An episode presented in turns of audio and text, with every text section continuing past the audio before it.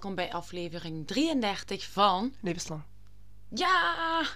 We zitten alweer aan aflevering 33? 3-3. 3-3. Ja. Gaan we voor 666? Ik weet het niet. Dat is misschien wel voorbarig. We zijn nog Ja. niet eens aan de 50 afleveringen. Maar toch al nummer 33 weer. Ja. eh. Ja. Ja, ja, ja. is toch mooi? Ik vind het een mooi getal. Ja. Ja. Goed. ehm hebben wij superveel te vermelden? Ik denk het niet vandaag. Eh, ik niet. Ehm, ik hoop dat iedereen nog altijd oké is met het schema dat we om de twee weken uploaden. Voor ons geeft het toch meer rust dan. Mhm. Ja. dan allee, je moet zeggen, het is nu iets, makkelijker. iets makkelijker om alles te kunnen inplannen en om toch genoeg tijd te kunnen spenderen aan een zaak. Ja. En van daaruit kunnen we dan gelijk het bruggetje maken naar de aflevering van vandaag. Want vandaag hebben wij nog eens een verzoekje Ja. van iemand dat we gaan brengen. Blijven we super leuk vinden als je verzoekjes komen. Dus Ja. blijf dat ook zeker allemaal doen via onze socials. Dat is op Instagram, levenslangpodcast. Op Facebook vinden jullie ons onder levenslang. Gewoon levenslang. En jullie kunnen ook altijd een mailtje sturen naar levenslangpodcast.gmail.com. Niet alleen voor verzoekjes. We vinden het ook leuk als jullie eh, ons laten weten wat jullie van de zaak vonden. Als jullie zelf nog dingen willen bijvoegen. eh, Kan is ook- altijd. jullie kunnen ook altijd reageren onder de posts natuurlijk. Op onze socials. eh. Ja. ik dacht misschien dan nog eens eerst even belichten dat die er Ja. nog altijd zijn. Ook als we dan nieuws hebben of zo. Meestal wordt dat eh, gelijk op de socials geplaatst. Dus als jullie op de hoogte willen blijven van alles, dan is dat de place to be. Ja. Dat is waar. En voor zij die geen socials hebben, wat ook natuurlijk perfect mogelijk is, ehm, jullie horen het dan wel altijd gewoon Zo. hier. zo hier in de aflevering. Oké, goed. Nee. De aflevering van vandaag was een verzoekje van Esther. Mhm. Dankjewel, Esther. Vinden we heel fijn. En het is een Nederlandse zaak, nog eens. We gaan eens Ja. terug naar eh, onze noorderburen. Mhm. Voor ons dan toch. Maar ik ga wel even een, eh, een trigger warning geven voor we beginnen. Het verhaal gaat over een driejarig meisje die Ja. dood is. Mhm. Dus dat is sowieso al iets. ehm, ja, moet ik het zeggen, als het over kinderen gaat, is het altijd toch net iets Anders. anders, wat pijnlijker misschien voor sommigen ook. En van daaruit even een trigger warning dat het wel ehm, een heel verdrietig verhaal is. Met het research vond ik het ook. Dat, ik heb het ook tegen u gezegd dat ik het echt een heel verdrietig verhaal vond. En eh, van daaruit gaan we dat ook proberen te brengen met ja, het grootste respect dat we kunnen bieden. Ja. En without further ado denk ik dat we dan maar gaan beginnen met de aflevering.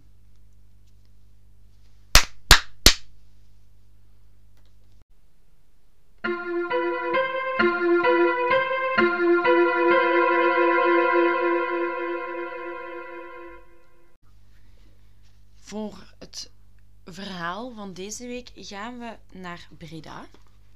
In Nederland dus. Hè? Ja. En meer specifiek gaan we naar de datum 24 april 1996. Ah ja. Toen Dat was... is al een, eh, een tijdje geleden. Ja. Maar Toen was ik er al, ja. ja, ja ik, ik was er toen ook al. Wij zijn beide van 95. Dus eh, We waren er al. toen waren we er al. De driejarige Robin Bogers, een vrolijk, lief meisje, gaat bij haar overbuurvrouw Trudy pannenkoeken eten in de namiddag. Of in de middag, op de middag. Ja, ja, ja. Robin was geen onbekende bij deze buurvrouw, dus het was niet dat hij daar zomaar over de vloer kwam. Want tot voor kort speelde Robin hier vaak met haar allerbeste vriendje genaamd Nicky. En die was de oudste zoon van Trudy en haar partner Ad. Mhm. Maar jammer genoeg was Nicky een drie tot vier maanden voorheen plotseling overleden aan een ziekte. Hij had iets eh, aan zijn hersentjes. En hierdoor belandde Trudy in een vrij zware depressie. Ja. Door het verlies van haar zoon, dat in drie, vi- drie tot vier maanden voor 24 april was gebeurd. En nu, ondanks dit, mocht Robin nog altijd langskomen. Die mocht nog altijd komen spelen. Hè, en dan ook dus pannenkoeken eten. En dat gebeurt dus ook op die 24 april. Na een tijdje, hè, ze hebben pannenkoek gegeten, dan zit, eh, zitten ze samen op de zetel. En na een tijdje vraagt Robin aan Trudy of ze haar portemonneetje thuis mag gaan halen om dan terug te keren. Ja. Ze wou die waarschijnlijk gaan laten zien aan Trudy. En Trudy zegt, ja, tuurlijk, ga maar even. Weet je, die wonen letterlijk schuin Ja. tegenover elkaar, die mensen. Ja, Ehm, op nog geen honderd, ze zei het, op nog geen honderd babystapjes. ja, ja. Zij, Zij, is ze eigenlijk bij haar eigen huis. Nu, er verstrijkt wat tijd, maar Robin die komt niet meer terug naar Trudy. Waarop Trudy op den duur ja, Ja. niet zo goed weet wat doen en daarop belt ze de mama van Robin, genaamd Carla. Ze vertelt aan Carla van ja, kijk, Robin die zei dat ze even haar portemonneetje ging komen halen bij jullie en dan terug zou komen, maar die is niet teruggekomen. Waarop dat Carla zegt dat Robin nooit thuis is aangekomen of, of geweest is. En er breekt hierop ja, direct paniek uit, want het gaat hier om een driejarig kindje. Logisch. Nu, even voor duidelijkheid, op dat moment dat dit gebeurt, bestond in Nederland het Amber Alert nog niet. Dat is gelijk dat we in Ah, België ja. Child Focus hebben, hebben ze in Nederland het Amber Alert. We hebben dat hier niet? Nee. Nee, we hebben, we hebben Child Focus Ah, in de ah. plaats. Ah, oké. Ja, nee, heel veel landen waar Amber, het Amber Alert komt trouwens vanuit Amerika. Is opgericht Ja. na de verdwijning van een meisje genaamd Amber Hagerman. Zaak die we misschien ook kunnen doen. En van daaruit is dan eigenlijk het systeem gemaakt dat als kinderen Ja, verdwijnen, dat dat heel snel uitgezonden kan Maar worden. gek dat dat overal. hier niet is. Of dat dat hier niet zo heet. Jawel, wij Ah, hebben, wij ah, hebben oké. Child Focus Ja, ja, maar gewoon de naam. dat doet. Amber Alert, die naam hebben wij. We hebben niet dat systeem, Ja, we ja, hebben. Child Ah, Focus. het, het is ook nog een apart systeem. Ja, Oh. het doel is hetzelfde. Ja, ja, ja. Het doel is hetzelfde. ja. Hallo. Maar het noemt anders. Ah, Oké, oké, goed. Ja, ehm, België moet altijd discussie. anders doen, want de meeste landen hebben denk ik een Amber Alert. Maar goed, dat is dus er ge- gekomen om eh, kinderen, dus als ze verdwijnen, heel snel foto's te kunnen rondsturen. Ja. Vroeger stond dat dan op van die melkkartonnen en zo. Nu kon je dat eigenlijk heel snel de wereld op sturen, insturen. Maar op dat moment dat dit gebeurt, is dat er nog niet. Ja, oké. Dus als Robin verdwijnt, kan men niet binnen, ik zeg maar, de vijf minuten ehm, overal signalen eruit zenden Ah, dat nee, er een, nee, nee. een kindje vermist is. Niet gelijk Nu, diezelfde middag wordt er onder leiding van Trudy en vanuit haar huis een zoekactie opgestart door de buurtbewoners. En iedereen ging mee zoeken. En niet heel veel later hebben ze dan ook de politie ingelicht dat de kleine Robin verdwenen was. En die halen eigenlijk alles uit de kast om het kleine meisje levend en wel terug te vinden. Het liefst die dag nog. Natuurlijk. Maar de nachtmerrie is hier pas begonnen. Ze vinden Robin die dag niet terug. En met man en macht zoekt men naar haar. En met man en macht, daarmee bedoelen we dat er ongeveer 30 rechercheurs bij waren. Misdaadanalyse mensen, Mensen. mo- mobiele eenheid en defensie. Die gingen Ja. allemaal mee zoeken. Dus dat was echt wel een vrij grote Ja, zoekactie. Maar ze zoeken en zoeken zonder resultaat. En de komende twee weken blijft men ook zoeken naar Robin. Ja, ja, logisch. Intussen, terwijl dat ze Robin zoeken, proberen de rechercheurs om alle betrokkenen in kaart te brengen. Als in wie zou er iets Ja, mee te maken kunnen hebben. En dan komen ze Tuurlijk. natuurlijk uit bij de ouders van Robin zelf.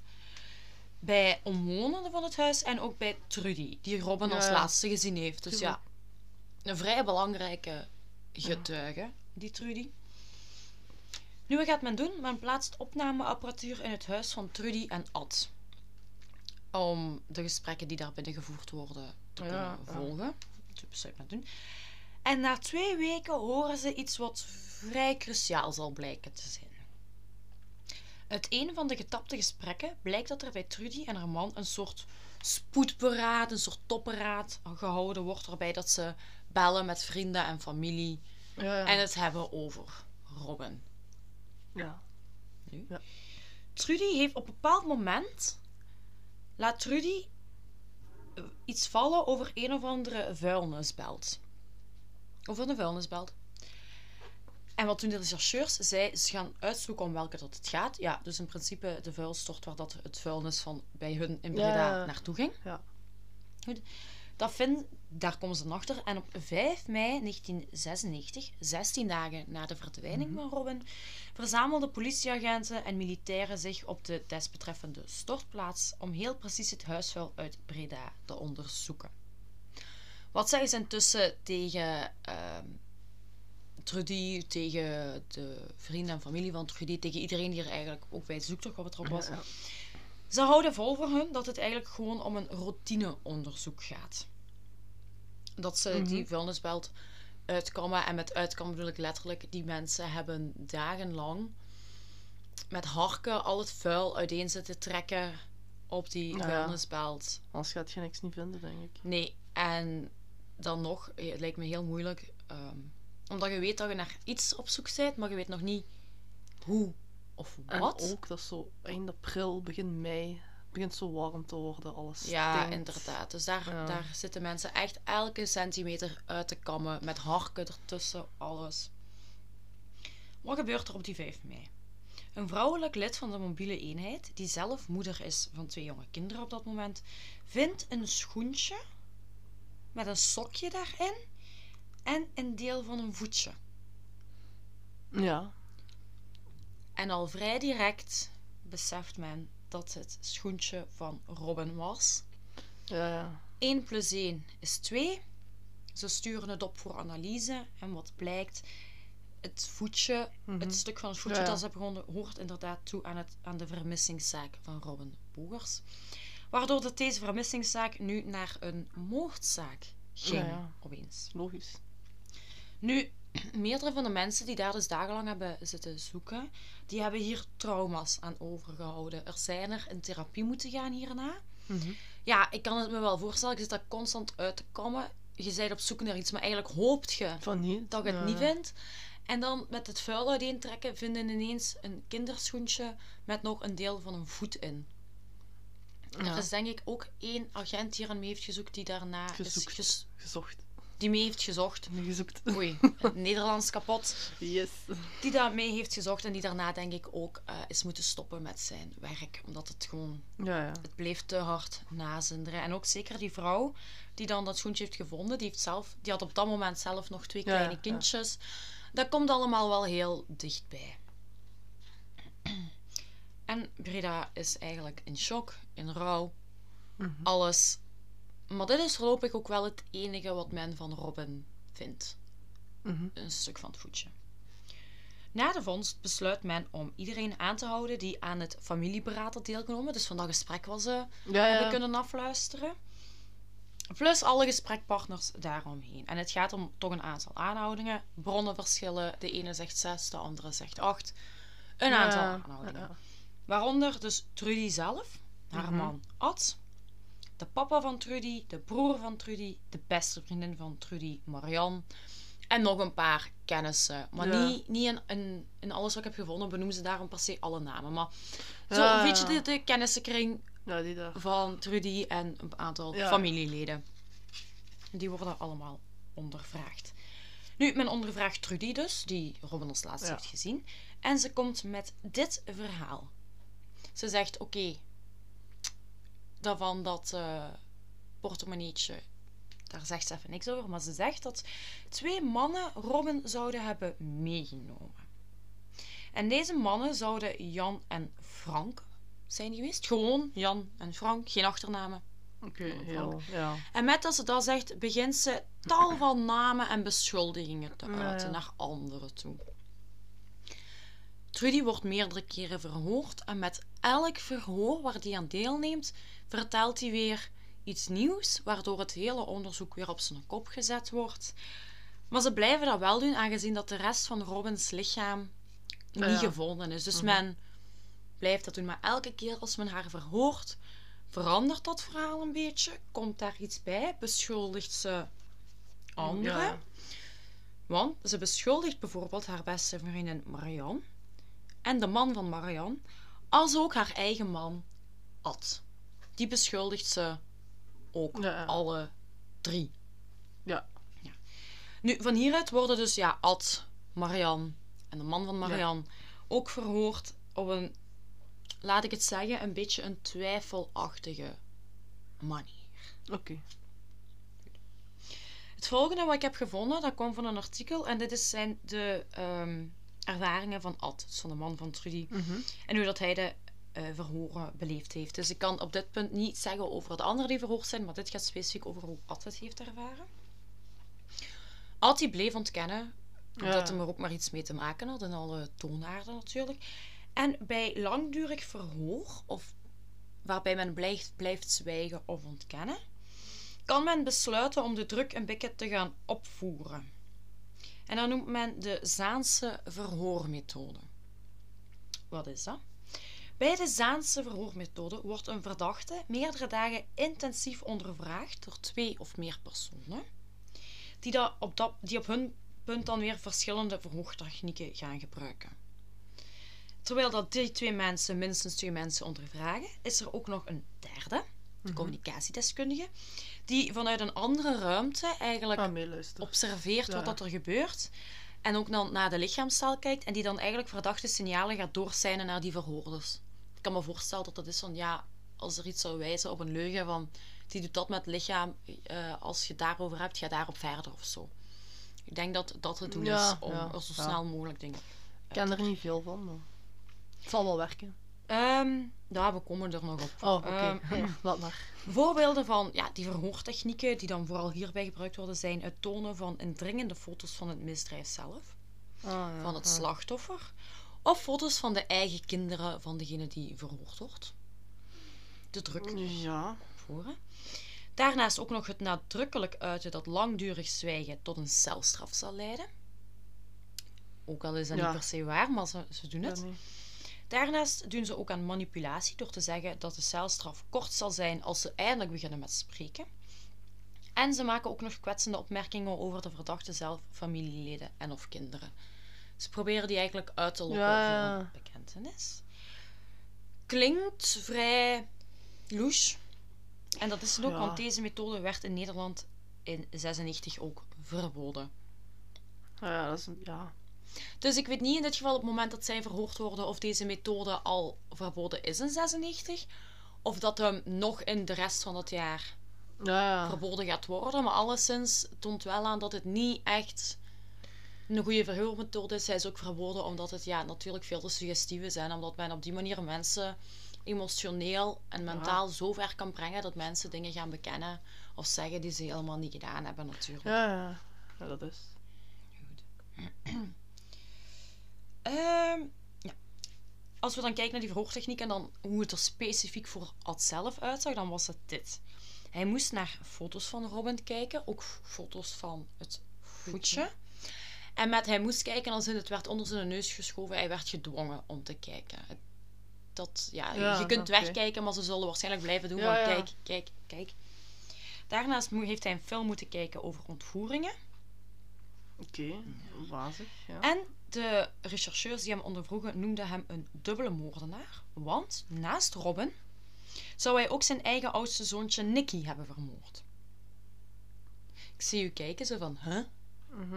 Nee, Ah, dat ja, is ook zo. Maar dit ja, kan ja. inderdaad dat, dat manipuleren zijn en, en dingen gaan insinueren en zeggen om iemand uit zijn tent te lokken. Want Nicky is wel effectief overleden aan Een- herseninfarct of zoiets was Een dat. ziekte. Dus dat Ja. toont wel aan hoe dat ze hem onder druk zetten. En bij Ad merkt dat toch een beetje. Want hij wordt zo moe en onder druk gezet dat hij belastende verklaringen heeft afgelegd en ook heeft ondertekend. Waarbij dat op neerkomt is bijvoorbeeld dat... ehm, trigger warning. Trudy zei op een bepaald moment dat Ad hem en nog iemand Robin ontvoerd zouden hebben voor een kinderprostitutienetwerk. En dat Ad de kleine Robin ook misbruikt zou hebben. Ad geeft dit op een bepaald moment toe, maar verandert zijn verklaringen weer, legt de schuld bij Trudy. Ja. Dus het is ene grote mishmash. Ja. En met deze Zaanse verhoormethode weten we eigenlijk ook niet of dat het. Eh, Of Ja, wat hij zegt, of dat ja, dat waar is. Want hij wordt Dus- zo onder druk gezet en zodanig moe gemaakt. Want dat is echt dagen achtereen dat ze heel intensief Ja, ja. Jij wordt Zo daar moe van. Je kunt minder functioneren. Nu, naast Ad hebben we dan ook nog Marianne, de beste vriendin van Trudy. En voor Marianne ging het ook niet veel beter, want Trudy had ook belastende verklaringen tegenover haar afgelegd. Marianne wordt uiteindelijk zelfs aanzien als hoofdverdachte en ze houden haar vast in het huis van bewaring en dit is de penitentiaire inrichting in Maastricht. Mhm. Oké. Nu, wat ik nu ga vertellen eh, over het deel van Marianne, dat heb ik uit een boek dat Marianne geschreven heeft. Maar daar kom ik later nog Ah, ja. op terug. Marianne is op het moment dat ze wordt eh, vastgezet in het huis van bewaring, hoogzwanger. En ook zij wordt op verschillende dubieuze manieren ondervraagd. Nadat ze blijft volhouden dat Trudy aan het liegen was. Ja, En Marianne zei, ik heb helemaal niks gedaan. Trudy liegt. En ook hier gaan ze die Zaanse verhoormethode weer toepassen, ook bij haar. Nu, Trudy, waar, waarom werd eh, Marianne Ja. verdacht? Trudy die beweerde dat Marianne onder druk van Ad en nog een, een vriend van de familie Mhm. de kleine Robin had ontvoerd. Zij zou Robin hebben ontvoerd, dat zei Oké. Trudy. Ja. En Marianne krijgt dan ook, ook foto's te zien van Robin. Ook van de schoenen van Robin, van het voetje van Robin. En ze wordt ook wederom echt wel gedwongen om ernaar te Ja, kijken. Super traumatisch. Ja. Als je er niks mee te maken hebt, natuurlijk. Ja. Ja, dat sowieso. Want ze hebben ja, nu wel een heel aantal, tussen de zes en de acht verdachten vastzitten. Ehm, moet ik wel zeggen, veel er is ook wel één verdachte die na één dag al terug was vrijgelaten. Maar de rest Dan nog veel. nog. Ja, is best wel wat, hè? veel. Ja. Ja, men gaat er eigenlijk op een punt van uit dat het een samenwerking is tussen Ja, ja, meerdere ja, mensen van ja. de familie. Of vrienden. Hm. Kijk. Nu, die beelden van dat schoentje en van dat voetje van Robin, dat zal Marianne nooit meer vergeten. En op de uitgerekende bevallingsdatum wordt Marianne opnieuw meegenomen voor verhoor. Maar deze keer niet zomaar één. Het was een confrontatieverhoor tussen Marianne en Trudy. Dus ik ging de twee zo kijk eens over- dan. overeenzetten, want Trudy Ja. bleef Marianne beschuldigen en ze wouden Marianne ook de kans geven om haar verweer te kunnen doen tegen Trudy zelf en tegen Ja. de beweringen. Nu, moeten we wel niet vergeten, op dat moment is eigenlijk de uitgerekende dag van de bevalling. Ze bevalt die dag niet, maar ze is dus hoogzwanger. Ja, ja. Ze is ook waarschijnlijk heel moe door die verhoren. Ja. En eigenlijk hebben ze het haar niet op voorhand verteld dat dit ging gebeuren. Dus zij wordt meegenomen en zij, gaat, zij komt daar tegenover Trudy. Hm. Op het moment dat Marianne de ruimte wordt binnengeleid, was Trudy al aanwezig. En Trudy die ziet natuurlijk ook gelijk die hoogzwangere buik Ja, van Marianne. En Marianne heeft iets van, ehm, jij bent aan het liegen, want ik heb dat echt niet gedaan. Ik wil niet dat jij naar mijn buik kijkt, naar mijn kindje. En Marianne die voelt daar heel, heel, heel erg ongemakkelijk. En echt niet Ja. niet in haar element. In de ruimte waar de twee zitten staan twee camera's opgesteld om het verhoor op te nemen. En aanvankelijk wil Marianne niet praten vanwege die camera's die er staan. Ze heeft zoiets van... "Mm, liever niet eigenlijk. Ja, nee. Ze voelde haar er ook echt niet klaar voor. Die wordt daar ineens tegenover Trudy gegooid. En eh, wat deed Trudy? Die beschuldigde Marianne voluit. En Marianne was niet in staat om haarzelf te verdedigen na alle druk en stress van de verhoren en van haar zwangerschap. Wat gebeurde er hierop? Marianne die zei eigenlijk haast niks. Die liet die beschuldigingen over haar heen komen en ze mompelde zowel eens van wel waar, niet waar of van geliegd. Maar niet op een manier dat heel overtuigend overkwam. Zo heel twijfelend, heel stilletjes zei ze dat. En op die, manier, op die manier zag het er eigenlijk voor de verhoorders net uit alsof Marianne meer verdacht werd net. Want als je het niet hebt gedaan, dan verdedigt je je toch en dan gaan je er tegenin. Dat was een beetje wat zij Als ervan... je zo voor- moe bent en... Ja, bent dat, weten, wij, weten, wij weten nu ook door het boek van Marianne dat zij op dat moment inderdaad heel vermoeid was. Dat is natuurlijk ook nog maar de vraag of dat de rechercheurs en zo dit ook doorhebben of hier rekening mee houden of Ja, beseffen wat er gebeurt. Zij, uiteindelijk willen zij ook gewoon de zaak oplossen en ze zitten gewoon met echt tienduizenden verschillende verhalen. maar als je al tien verschillende verhalen krijgt van één persoon, dan Ja. er een belletje gaan Daar komen we sowieso later nog op terug. Oké. Marianne, die verdedigt haar eigen dus niet, lijkt nog meer verdacht en wordt dan teruggebracht naar de eh, PI, de penitentiaire Ja. inrichting.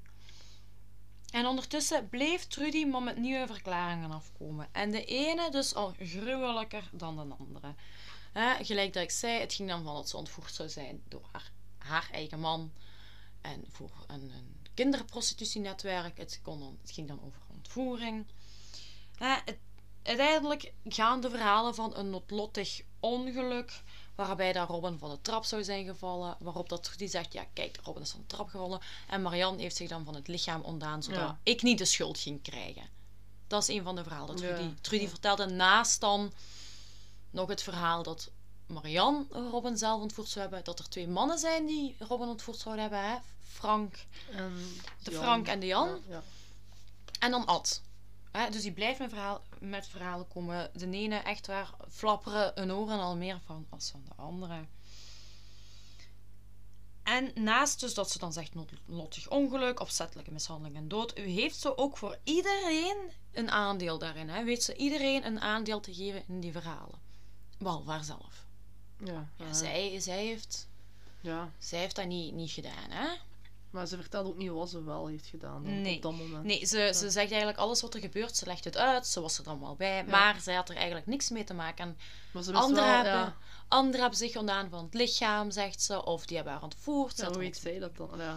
Ja, Dan moet je erbij zijn geweest en dan zit je eigenlijk ook medeplichtig. ja, kijk. eh, gelukkig denken wij al heel snel zo. De rechercheurs waren nog eh, niet zo snel mee in die piste als we zeggen. Wel. Nu, met elke verklaring dat erbij komt, begint Trudy haar verhaal wat af te zwakken. Want er beginnen gaten in haar verklaringen te komen. Die ze dan meestal de keer erop probeert te vullen. Door te zeggen, ah ja, maar ik weet dat en dat nog.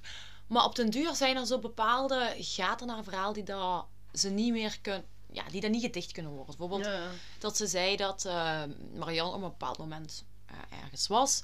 Maar Marianne kan dan aantonen dat ze op dat moment in de winkel was. Of op haar werk of zo. Ja. Dus ja, er beginnen toch wat gaten te komen in het verhaal van Trudy. Maar zowel Trudy Ad als Marianne en haar vriend die bleven wel nog vastzitten. hè. En dan vooral Trudy beschuldigde iedereen, Ad beschuldigde Trudy dan. Ja. Het is daar echt, je moet zien, ze verhoren Trudy, Ad, Marianne, de vriend van Marianne op dat moment. Mhm. Ze heeft er nog een paar en daar wordt iedere keer wel waar, niet waar, wel waar, niet waar, verhaal veranderd, dit, dat. Dus Ja. dat is gewoon ene, ene grootste dingen. En een aantal verdachten die worden na een bepaald aantal tijd weer, weer wel vrijgelaten. Eentje al na een dag, andere na een x aantal weken. En dit dan door gebrek aan bewijs. Nu, wie dus zou blijven vastzitten, dat waren Trudy, Ad, Marianne en die haar vriend. Die vier bleven uiteindelijk met hun vier, plus nog één extra kennis, denk ik, over in het huis van bewaring. Huis van bewaring klinkt mooi, ja, maar dat is eigenlijk gewoon een soort van gevangenis. Gevangenis, ja. Ook. Ja, ja, ja. Daar waar je zit voordat er een eh, ja. uitspraak straf- is. straf Of, is of als je verdacht bent, inderdaad. Gewoon. Uiteindelijk bevalt Marianne in de penitentiaire inrichting eh, van Maastricht van een zoontje genoemd Jesse.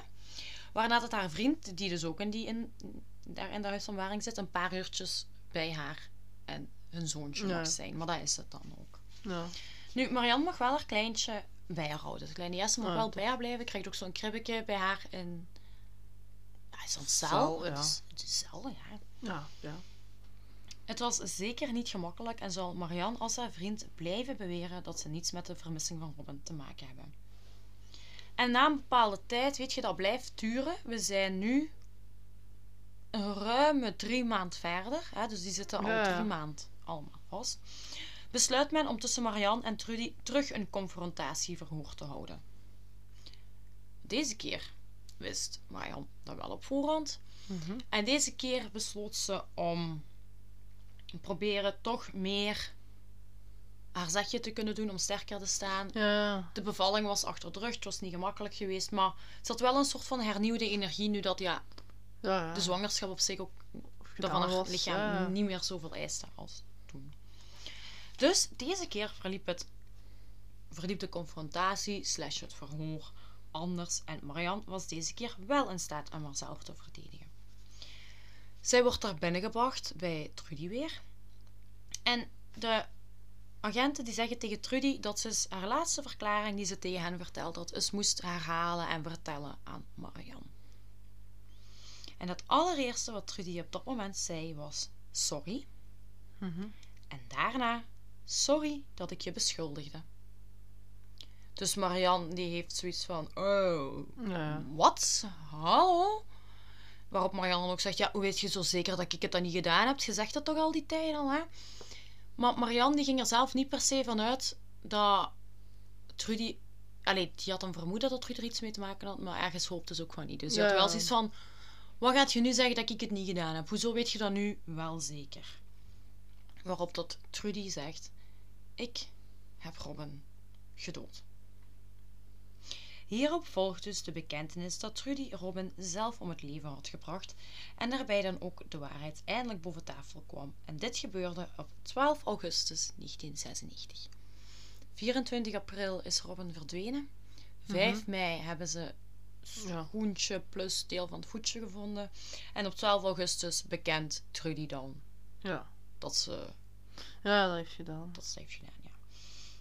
En dit is dus wat er met die driejarige Robin echt gebeurd is op die 24 april. Om de hele context te snappen rond, moeten we even terug naar voor toen Robin daar al was. En naar, eigenlijk eens gaan kijken hoe dat Trudy bekend stond in haar omgeving bij de mensen. Ah, Want ja, daar komt nu ook nog wel iets interessants naar boven. Bij een aantal mensen zou Trudy al vrij lang bekend staan als iemand die veel leugens vertelt, die manisch kon zijn en veel kon fantaseren, en dat ze ook een stiekeme manipulator was. Die alles deed Ja. om het voor haarzelf beter te Ja. maken. Ook Ad beschreef men toch iets of wel zo. Men beschreef het toch als een apart koppel. Nu, of dit met een bepaalde psychische kwetsbaarheid te maken heeft dat Trudy dit gedrag stelt, heb ik nergens kunnen vinden. En van daaruit denk ik ook dat we best proberen daar zo weinig mogelijk over te oordelen. We weten niet Mhm. Waarom ze dat heeft gedaan of waarom ze dat deed. Nu, zoals ik al zei, stonden Trudy en Ad bekend als een apart stel en ook het huishouden liet nogal te wensen over. Ook toen Nicky al geboren was. Dat huis dat werd daar niet zo goed gepoetst. Oh. Heb ik ook ehm, uit het boek van Marianne, de beste vriendin van Trudy. Dat huis dat was vuil. Dat stonk daar naar een wc die al lang niet meer gepoetst was. De rommel stapelde zich op. Het huis werd van, van binnen alleszins een beetje Verwaarloosd. verwaarloosd. Ja. Ja. Oh, helemaal vergeten te zeggen, maar op dit moment is Trudy trouwens 27 jaar. Ah, Ik heb nergens gezegd hoe oud Trudy was. Ah, ja. Ehm, Trudy is dus 27 op het moment van de Dus, feiten. Ja. Oké. Oké. nu, Nicky die komt dus uiteindelijk te overlijden. Mhm. En Trudy die stort hierop helemaal in. Die leeft echt voor haar kinderen. En die belanden, zoals ik al eerder zei, in een zware depressie. Naast die depressie voelde Trudy ook heel wat afgunst voor zij die dat wel zelf jonge Ja. kleine kinderen hadden. Want het voelde voor haar eigenlijk gewoon enorm oneerlijk dat zij haar vierjarige zoontje had moeten afgeven. Ja. Terwijl dat andere mensen wel hun kinderen nog bij hen hadden. Ik begrijp best wel dat dat even afgunst of jaloezie kan veroorzaken. Ja, Alleen in dat opzicht, ja. ik bedoel, ik kan best voorstellen dat ik op dat moment denk van waarom hebben zij hun kinderen wel nog en ik de mijne niet. Maar bij haar begon het echt wel, allee, ze begon, ze vond, ja, hoe moet ik dat zeggen, ze vond dat echt, ze kon er niet goed mee om. Het was niet gewoon dat ze het jammer vond, maar ze had er soms met moment echt wel een beetje problemen mee als ze zo jonge kinderen zag. En dan is het dus uiteindelijk 24 april 1996.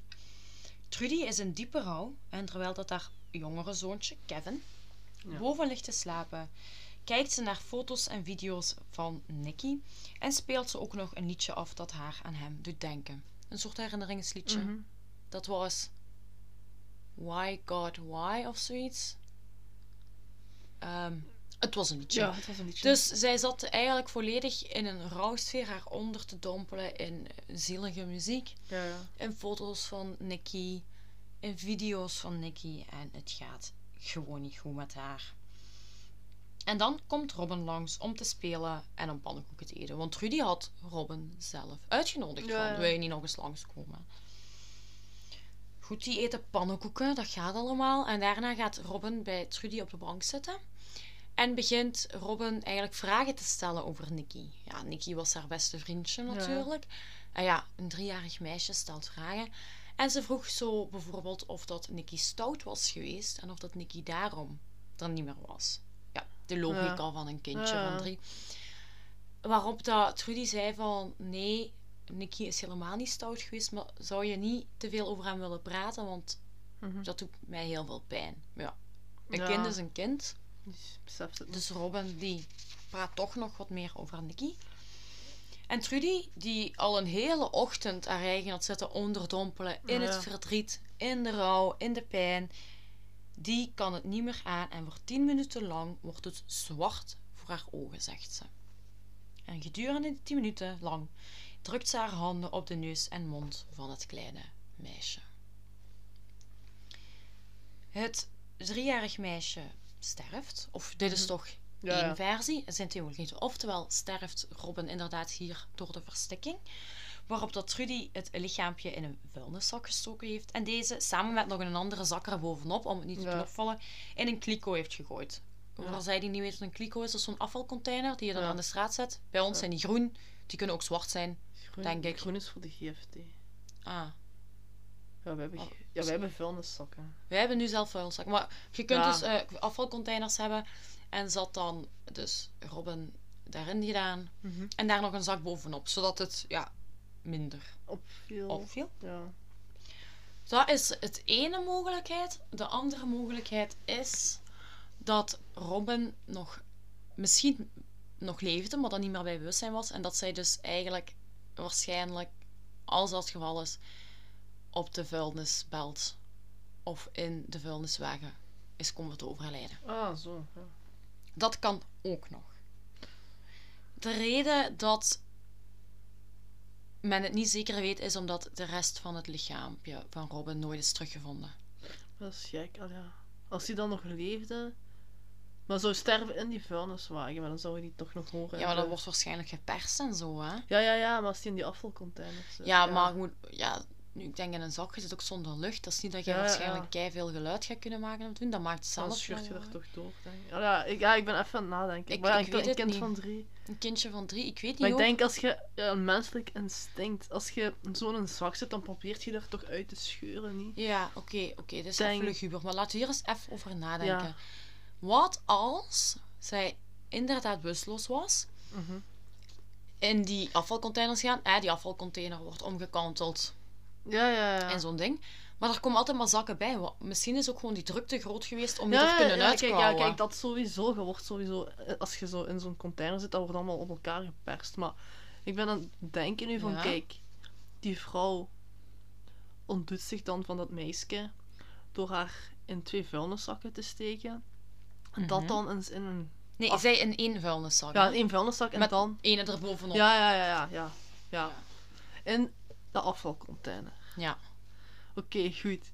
Dus dan moet die vrouw al gaan uitcalculeren van wanneer komen ze het afval ophalen en heel die Ja. dingen. En, en ja, dan... Ja. Ik vind, het, ik vind het heel gek. Heel gek. Het is heel... Ja, het is... Het is Eerlijk, het is gewoon vreselijk harteloos. Ja, ook. En, Iemand in een vuilniszak steken en bij het vuil gooien, kom aan. maar ja, dan, dan calculeert je ook eigenlijk al uit van nu gaat die komen. Want ja, je kunt dan niet... Hè, dan je afval, en- of ja, dat meisje dan, hoe erg het ook is, in Ja. die afvalcontainer eh, eh, doen. En dan ja, misschien een week wachten omdat ze dan pas Ja. het afval... Allee, ja, dat is Nee, gans- klopt. Nu, wat ik wel nog weet is... zij heeft dus... Robin is hoe dan ook in die afvalcontainer Ja, terechtgekomen. Ehm, diezelfde dag zijn ze dus beginnen zoeken. Diezelfde dag zat Robin dus gewoon al die tijd Ah, gewoon nog in, in die ja. afvalcontainer. En de dag nadien Zijn is ze- het afval opgehaald. Ja, dan moet dat kindje denk ik al dood zijn geweest. Allee, ja, Ja, ik... want een kind kan niet 24 uur bewusteloos zijn. Dan gaat je Ja, nee, ja, nee, of- oftewel- toch- is hij eerst bewusteloos geraakt en is hij daarin wel verder gestikt of zo. Dat kan ook, want ja, lucht in een plastieke zak. eh, mm. Ja, ja, ja, ja, ja, ik snap wat je Maar dus eigenlijk eh, de dag dat Robin vermist raakte en heel de buurt heeft liggen zoeken, zat Robin al die tijd Maar in denk, de ja, afvalcontainer van. maar ik denk gewoon dat hij al... Ja, dat het al dood was. Voordat ze in die afvalcontainer... Dat klinkt heel cru, maar Ja. ergens hoop ik, Ik dat. hoop het ook. Ah, ja. Want Dat elke is- an... Het is sowieso gruwelijk en u op die manier van een lichaam ontdoen kan... Dat is echt Ja. van het laagste. Alleen moet ik het zeggen, je gooit iemand letterlijk bij, Bij het afval. Bij, het afval. Maar ik, ik hoop voor haar dat ze niet heeft moeten beseffen dat ze misschien in een... container zat. Of in een vuilniskar zat. Ja. Of dat ze misschien nog heeft beseft hoe het was om op die vuilnisbelt aan te komen. Ik hoop het allemaal niet. Ja. Ik hoop, alleen aangezien het, moet ik het zeggen, het liefst van al had ik natuurlijk gewild dat dit nooit gebeurd was. En dat Robin op dit moment Ja, ja. gewoon nog een, een heel levendige eind twintiger zou zijn, begin dertiger misschien. Maar ja, Ja, ja. Van alle mogelijkheden hoop ik dat ze het minst heeft moeten lijden. Maar daar is men dus, ja, zekerheid is daar nooit over gekomen, omdat het lichaampje voor Ja, de ja, ja, rest ja, niet is teruggevonden. Nee. Goed, het verhaal over die portemonnee, dat was dus verzonnen. Dat geeft Trudy toe. En Trudy had dus geprobeerd om de schuld van haar af te schuiven. En dan kun je denken, oké, je wilt je eigen man erbij lappen. ehm, Vrienden. daar doen, maar waarom zou je je beste vriendin erbij lappen? Hè? Wat was daar de reden voor? In het bijzonder heeft ze geprobeerd om Marianne hoofdverdachte te laten zijn, omdat Marianne zwanger was op dat moment. En Trudy, die, eh, Ja, ja, ja. Dat was afgunst, die kon dat niet, Plaatsen. niet plaatsen, want eh, Marianne heeft ook effectief nog gevraagd aan Trudy van waarom heb je mij in godsnaam beschuldigd van iets wat ik niet heb gedaan? Ik ben altijd best vriendin geweest en die zei van ja, jij wordt zwanger en eh, Hm. daarom dat je zwanger wordt. Ja, dat is niet eerlijk. Allee, dat is niet eerlijk. Ik zeg niet dat ze het zo gezegd heeft, maar Ja, ja. dat gevoel krijg je een beetje, hè, dat ze het niet kan hebben. Ja, maar dat zal het ook wel zijn. Ah, ja. Ja, en het zal ook gewoon heel pijnlijk zijn, want dat alles laat haar ook herinneren aan Nicky, Natuurlijk. die ze eh, 100% zeker vreselijk hard mist. Ja, ja, ja. Maar ja, daar is dus wel een ander kindje door komen te overlijden. Ja. Na die bekentenis van Trudy doen ze ook nog een reconstructie met Trudy in haar huis. En Robin, dat is dan wel weer eerder een weetje. ehm, het lichaampje van Robin wordt gesimuleerd met eigenlijk een heel stijve, onhandige houten pop. Ja. Oké. Wat qua lengte en gewicht zal hebben geleken Ja, ja. op dat van Ja. Robin. En iedereen, ja, weet je, alle, alle scenario's waren erg, maar dit, dit vond iedereen toch wel echt gruwelijk toen dat allemaal boven water kwam. Ja. Vooral het principe inderdaad dat de Robintje gedumpt is Ja, bij het afval. Daar konden de meeste mensen zich echt wel niet aan plaatsen. Nu, zij geeft zij bekend en niet veel later, ik denk een dag later of twee dagen later, wordt de rest die dan op dat moment nog vastzit Ja, ja. vrijgelaten. Na ruim drie maanden. En voor Marianne waren het exact, voor hun, voor hun allemaal bedoel ik, waren het exact 103 dagen dat ze onschuldig hebben vastgezeten. Ja. Ad, want Ad heeft uiteindelijk Ja, ehm, niks gedaan. Nee, nee. De reden dat hij belastende verklaring heeft afgelegd kan te herleiden zijn naar de verhoormethodes natuurlijk. Ja. Kan te herleiden zijn naar je voelt je in het nauw gedreven, wat moet je doen? Ja, ja. Dan gaat je, ja, ik weet niet wat ik dan zou doen, dus ik kan ook niet zeggen Nee. of dat raar is of niet, dat hij uiteindelijk wel belastende verklaringen heeft afgelegd, maar hij wordt ook vrijgelaten. En na 103 dagen staan die gelukkig allemaal terug buiten en zijn, dat, zijn die weer ja, vrij om te gaan en staan waar ze op dat moment willen. Uiteindelijk gaan ze ook nog wel, ehm, de onschuldige verdachten ga- gaan uiteindelijk ook nog een eh, schadevergoedingclaim eisen. Ja, ja. Die krijgen ze allemaal buiten Ad. Omdat hij zelf dus bezwarende verklaringen afgelegd hebben. Maar we komen nog terug op Hmm. Ad, Ja, ja. wat recenter. Hier viel bijna iets om. Op mijn hoofd. Oh, ik schrok mij. En Carlijn ziet daar even hier even zo heel stilletjes, maar toch hard. Ja, ja. Ik en ik zag het geluid maken. Oké, Oh. goed. Oef. Terug naar ehm, Ja, het, verhaal. Het verhaal. Goed, dus die krijgen inderdaad allemaal wel een schadevergoeding. Buiten Ad, komen we nog op terug. Maar ook zij hebben trauma's hier aan overgehouden aan de verhoortechnieken. Gelijk die onschuldige mensen, gelijk Marianne, die hebben dus foto's gezien van het voetje van Ja, Robin. ja. Van... Terwijl ze er inderdaad niks mee te maken Nee, hadden. nee. Dit ligt 100% alles wat gebeurd is, heeft Trudy gedaan. Mhm. Dus ja, die mensen die zijn ook wel getekend voor het leven. Hè, door, Ja. door vastgezeten te hebben. gek. Zeker alleen onschuldig. En dan nog met die verhoormethodes. Dat niet zo Ja, alles was. Nu, dan volgt de rechtszaak. En de, deze vindt plaats, of ja, toch een van de eerste dagen, Mhm. op 20 februari 1997. Dus dat is wel een goede tien maand Ja, na Ja, de verdwijning en dood van Robin Bovers. Door het Openbaar Ministerie, of moet ik het zeggen, bij ons is dat zo. In alle artikelen van, eh, die ik heb gevonden, zei ze eigenlijk gewoon de officier van justitie. Hier. Die, die eiste levenslang tegen de op dat moment 28-jarige Trudy. Trudy die had hè, in augustus van het jaar daarvoor bekend. Mhm. Maar in oktober had ze die verklaringen opnieuw ingetrokken. Hè, dus we zijn nu februari, de rechtszaak begint. In augustus bekend ze twee maanden daarna had ze die weer ingetrokken. Omdat ze dan eigenlijk een nieuwe raadsman had en, op- Ja. en ineens eh ontkende ze het weer allemaal. En in totaal heeft Trudy zo een 14 verschillende verklaringen afgelegd. Shit. Dat is Ja. veel. Dat is echt veel. Op zo'n korte tijd eigenlijk. En dat je dan ook niet eerder denkt van... Hoe kan dat dat hij er duizenden verklaringen heeft? Ja, 14. Ah, Ik zeg niet, ze hebben haar ook altijd ondervraagd. Zij is ook altijd als verdachte aanzien. Maar Ja, ja. op het moment dat iemand 14 verschillende verhalen vertelt... Ja, ja. Weet je, er is één ding aan, aan de waarheid. En dat is dat die niet kan veranderen. Ja, nee, nee. En ik snap dat soms mensen hè, onder druk gaan beginnen twijfelen. Dit, dat, dat er Ja. wel nog eens iets anders kan. Maar Ja, of ook- 14 verschillen. Of ja. ook, het is gewoon al uit experimenten gebleken dat eh, ons geheugen ons best kan foppen. ja, normaal in kan nemen. Waardoor dat je ook sommige dingen, ja, heel veel dingen vergeet je, maar er zijn ook gewoon dingen die dat je je Anders gaat herinneren dan ze waren geweest. Ook afhankelijk van hoe dat men vragen stelt. Probeert Ja. men een bepaald soort antwoord te krijgen. Nu, daar bestaan super interessante experimenten over. Ja. Ehm, misschien ooit dat ik daar wel eens op zal terugkomen. Maar voor nu weet gewoon dat ook onschuldige mensen ja, ja. meerdere verhalen kunnen afleggen. Hè? Of gelijk Trudy dan Ja, schuldig, 14. maar 14 Ja, ja. verhaal inderdaad.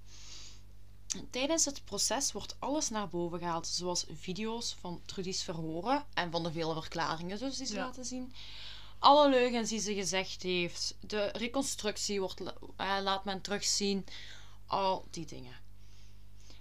Alles kwam voorbij en hoewel Trudy niet inging op de leugens, hè, dus iedere keer als men aanhaalde van kijk, hier vertelt geen leugen, daar ging ze niet op in. Maar wat ze wel deed uiteindelijk was haar medeleven uiten met de, naar de familie van Robin toe. Van dat ze het heel erg Ja. vond en dat het niet haar bedoeling was geweest, dat ze niet wist wat ze deed. En dat allemaal. En eigenlijk op die manier zijn er in deze zaak eigenlijk heel veel slachtoffers. Je hebt Marianne, Ja, ja. je hebt de vriend van Marianne, Eigenlijk iedereen die Je hebt Ad. heeft. je Ja. hebt het kindje van Marianne, je Ja. hebt Kevin, het, ki- het, zoontje, het andere zoontje van eh, Trudy.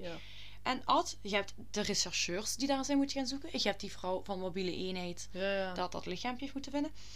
Maar bovenal, en ik zeg, het voetje, maar bovenal, en ik zeg het wel als laatste onder bovenal is een driejarig kind overleden. Ja, ja. En voor niks. wat? Ja. Voor wat? ja, niks. En dan vooral is zo dat het een driejarig meisje buiten dat, dat ze gedood wordt, wordt ze ook nog bij het vuil gedumpt alsof, alsof dat ze niks is. Nou ja, alsof je Alsof- even de vuilbak Alsof dat, ze, alsof dat ze niks waard is. En ik denk dat dat mij ook misschien het meeste choqueert in deze zaak. ja. Hoe kun je iemand, en hoe kun je zeker een kind, want in principe houdt Trudy heel erg Ja, van ja. haar kinderen. En Maar dat is weet van je, haar, je- snap je, van haar kinderen. van haar kinderen. Maar inderdaad, op dat moment, andere kinderen Dat zag ze, ja, als iets Tegelijk liet ze Robin wel langskomen om te spelen. Dus ik denk... Dan kun je ook afvragen van... Was het haar bedoeling? Of is dat echt in een moment van verstandsverbijstering gebeurd? Ik denk het wel. Daar gaan we dus nog... eh, Ja, ja. daar gaan we nog verder op ingaan. ja. Maar goed, hoe dan ook. Het, het, het is een verhaal dat echt wel een beetje rillingen geeft. De uitspraak volgt uiteindelijk op 5 maart 97. Dus dat is 15... Nee, 8 plus 5. Want februari heeft maar 28 dagen. Of Acht. 29. 8 plus 5. Ik denk, 13. in 96 waren het volgens mij 29 dagen. Well, could be. 9, dus 9, 14 dagen. Dus een, goede twee een weken. goede twee weken.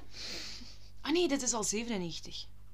Oh, een Eh, goeie, Een goede tijd ertussen. een goeie twee weken later volgt dan ook de uitspraak. En eh, om nog even te herhalen, de officier van justitie had moord ten laste gelegd aan Trudy Ja, ja. en dan ook levenslang geëist. Maar de straf werd veel milder. De rechtbank achtte het hele scenario bewezen. Dus inderdaad dat Trudy Robin heeft ehm, ja, de handen en Ja, ja, dat is nu zijn mond heeft gedrukt. Dat hij die in een afvalcontainer heeft gestoken. eh, dat, dat is allemaal bewezen. En inclusief al het extra geleden leed door de leugens die ze verteld heeft, worden er ook bij meegerekend. Dus ze denken aan, oké, de één, het is bewezen, wij achten bewezen dat dit gebeurd is. Ja, ja. Ondanks dat Trudy op dat moment wel ontkent weer. Want Trudy die heeft dat even toen bekend in augustus, in oktober weer niet. En op, op dat proces zegt ze ook nog altijd van... Nee, nee, ik heb dat toch niet gedaan. En dat blijft ze eigenlijk ook ontkennen tot het laatste. Dus daar houdt ze rekening mee. Dan ook met alle leed dat veroorzaakt is aan iedereen die betrokken was bij de zaak. Zeker ehm, de onschuldige. ja, ja, de die- onschuldige die had die verdachte. ja. Maar wat zegt, wat zegt de rechtbank? Ze zagen de plotse dood van Nicky als een strafverzachtende omstandigheid. En achten het mogelijk dat Trudy inderdaad een blackout had of in een opwelling gehandeld had. Ja, dat kan Dat goed, ja, dat kan goed zijn. Maar Nu, ja. dan denk je, oké, dan gaan we dat bewijzen onder... Hè, laat haar psychologische en psychiatrische Ja. testen ondergaan. Om te kijken of daar inderdaad zo'n danige diepe rouw kan zitten. Of iets kan zitten wat maakt dat iemand een blackout kan krijgen. Onderzoek dat dan. Maar Trudy heeft constant geweigerd om mee te doen aan die eh, onderzoeken. En men kon haar ook niet dwingen. Je kunt iemand niet Nee, dwingen. nee. En de reden dat ze dat niet wou doen was omdat ze zei dat ze onschuldig was en een onschuldig iemand moest dat niet doen. Dus ze hebben haar het voordeel van de twijfel gegeven dat het mogelijk is, maar ze hebben het eigenlijk niet met zekerheid kunnen vaststellen dat ze aan een of andere psychische kwetsbaarheid had, Ja. wat ervoor had kunnen zorgen. Zo. Trudy die wordt uiteindelijk dus tot 10 jaar celstraf veroordeeld. Ja. Dat is Weinig. heel weinig. Ik, ik, ik vind dat ook heel weinig. Maar ze gaat hier tegen in beroep, want ja, ze blijft roepen dat ze onschuldig is. Ondanks dat ze een bekentenis hebben op beeld. Een reconstructie waar ze toen wel aan had meegedaan. Goed. En de officier van justitie, ja, die gaat ook in beroep, want die is niet tevreden met 10 jaar. Die wil natuurlijk Meer. meer. Duurt dan wel nog een hele tijd voordat de hoger beroep ingaat. De uitspraak was op 5 maart en dan op 16 en 23 oktober 97 komt de zaak eigenlijk voor een hoger beroep. In die twee dagen.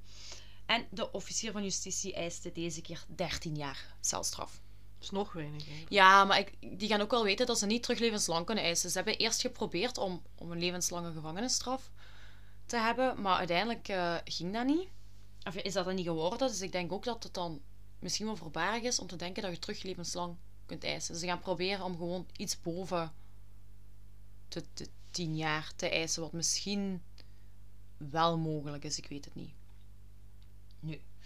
Dus op 16 en 23 oktober komt de zaak voor een hoger beroep. En hè, het wordt 13 jaar tegen haar geëist. Maar het oh, gerechtshof in Den Bosch, waar dit plaatsvindt, Mhm. die vond dat ze op het moment van de feiten zo verward was dat ze wel een lichtere straf verdiende dan 13 jaar. In hoger beroep doen ze er zelfs nog eh, eigenlijk een schepje vanaf, bijna om zo te zeggen. Want op 23 oktober 97 wordt Trudy in hoger beroep veroordeeld tot een celstraf van 7 jaar. Ja. Op dit moment is Trudy 29, dacht ik. Denk ik. Ja, ja. Zoiets. En zij wordt veroordeeld tot een gevangenisstraf van 7 jaar. Wat zou betekenen dat ze op haar vij- 36ste, 36, 536 terug vrij zou zijn.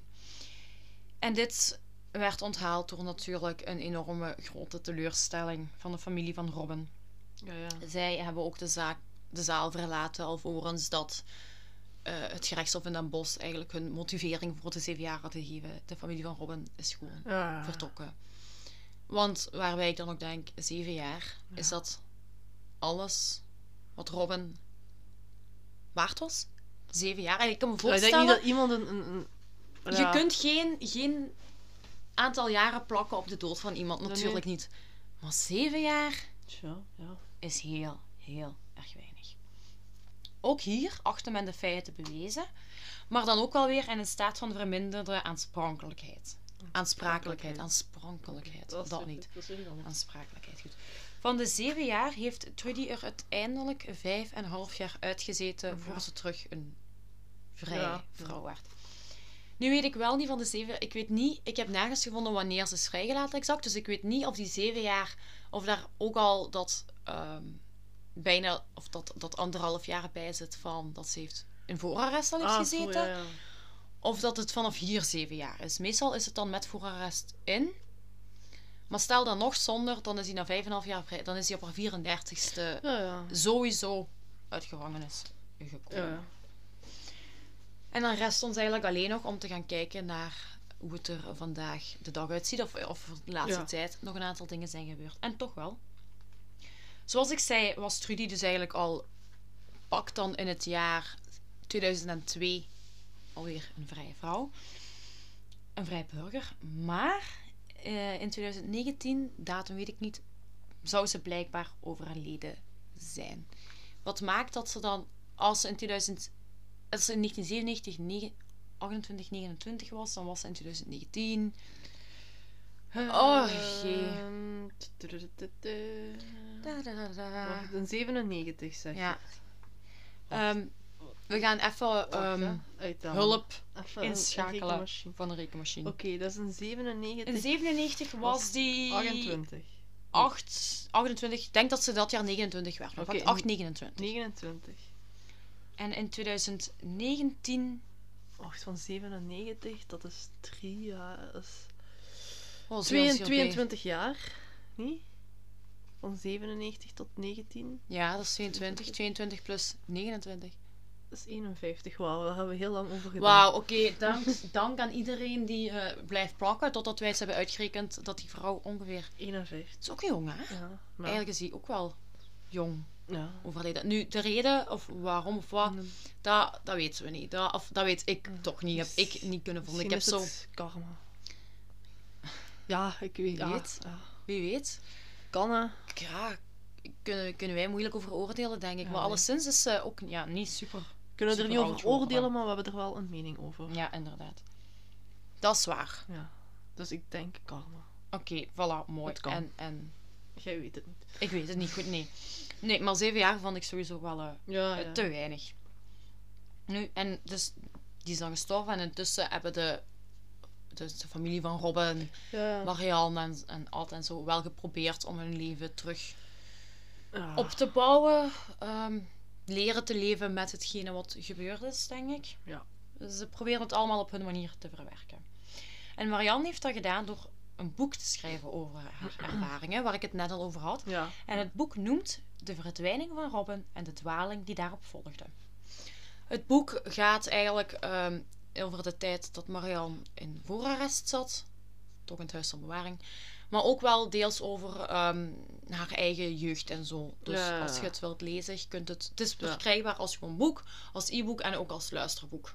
Oké. Voor zij die misschien via Podimo aan het luisteren zijn, dat kan.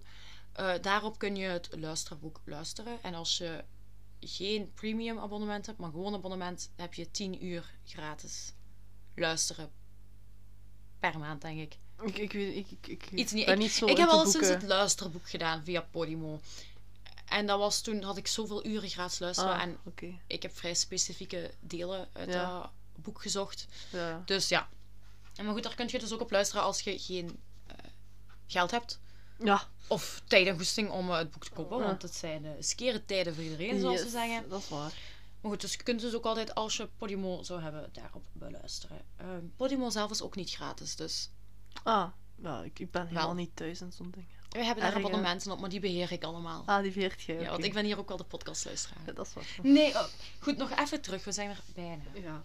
Dus Marianne heeft daar een boek over geschreven. Eh, je kunt ook interviews met haar terugvinden en zo. ja. Dat gaat allemaal.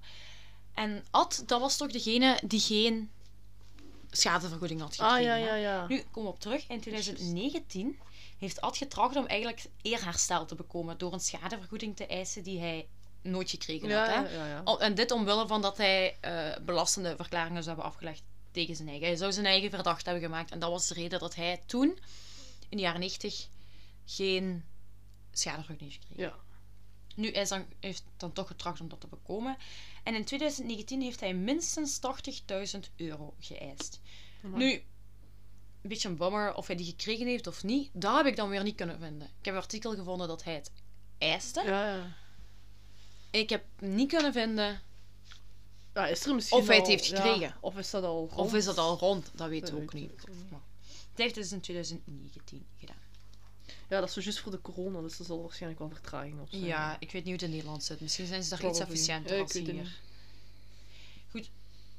Dan vind je ook nog altijd artikels terug van één of twee jaar geleden, waarin dat men eigenlijk eh, de zaak gewoon terug boven water haalt. En waaruit ook wel blijkt dat de rechercheurs en onderzoekers nog altijd de rillingen krijgen als ze aan die zaak terugdenken. En dat er dus inderdaad meerdere mensen ehm, een posttraumatische stressstoornis hebben overgehouden aan deze zaak en wat het allemaal teweeg heeft gebracht. En ik denk dat we als allerlaatste wel kunnen stellen dat Robin nog altijd heel erg hard gemist wordt. Door haar familie, door vrienden, door Breda zelf misschien. Ja, door de omgeving, door iedereen die Robintje heeft gekend of heeft meegezocht. Ja. En dat was het verhaal van de driejarige Robin Bogers uit Breda. Ja. Wat vond je? Ehm, ja, ik heb, ja, ik heb mijn mening al gezegd, hè. Ja. denk ik. Allee, ja, ik weet niet. Wat vond je nu ook? Want ik had op voorhand zo tegen u gezegd dat ik het een heel sneu verhaal vond. Ja, ja, ja. Dat, Vond je dat ook? Ja, weet je, ieder verhaal waar onschuldige mensen worden gedood. Maar ja, nu is dat een kind, hè, snap je? Ja, is- ja. Wat gaat een driejarig kind doen? niks. Wat heeft je Ja. driejarig kind ooit gedaan? Ja, Niks. weet je, ja, die stelt gewoon vragen. Maar ja, die Tuurlijk. beseffen dat niet, hè. Ja. Nee. Maar wat ook helemaal niet erg is, hè. Nee, dat weet je, dat is ook het ding van een kind is een kind. En, en eh, soms is het ook net de charme aan een kind dat die dingen heel ongegeneerd te durven vragen. Nee, die zijn gewoon heel durft. eerlijk. Mhm. Die zijn gewoon rechtuit en eerlijk. Ja, Dus, en daar, daar, dat heeft Robin met haar, met haar leven moeten bekopen uiteindelijk. ja. Ja, Sad. Very sad. niks meer aan. Nou ja, je kunt er niks meer aan doen. hè. Nee. Nu, ja, goed Ja, luisteraars, ja. dat was dus eh, de aflevering van vandaag. Yes. Jullie kunnen beeldmateriaal terugvinden vanaf eh, de dag dat deze podcast erop staat. Dat is dus woensdag. Ja. Ja, Woensdag. Niks anders dan Nee. anders. Inderdaad, zoals altijd. eh, we blijven altijd op woensdag plaatsen. Als ook ja, de foto's. Om de twee weken. Ja, om de twee weken. Dus nu is het eh, weer even twee weken wachten voor jullie. En dan hebben wij weer twee weken de tijd. Of ik dan toch. Ja. Om weer een nieuwe zaak eh, voor te bereiden. En aan jou te vertellen. Ja, dat is waar. Goed, lieve luisteraars. ah, bedankt dat jullie allemaal hebben geluisterd. En dan horen jullie ons binnen twee weken terug. Bye. Bye.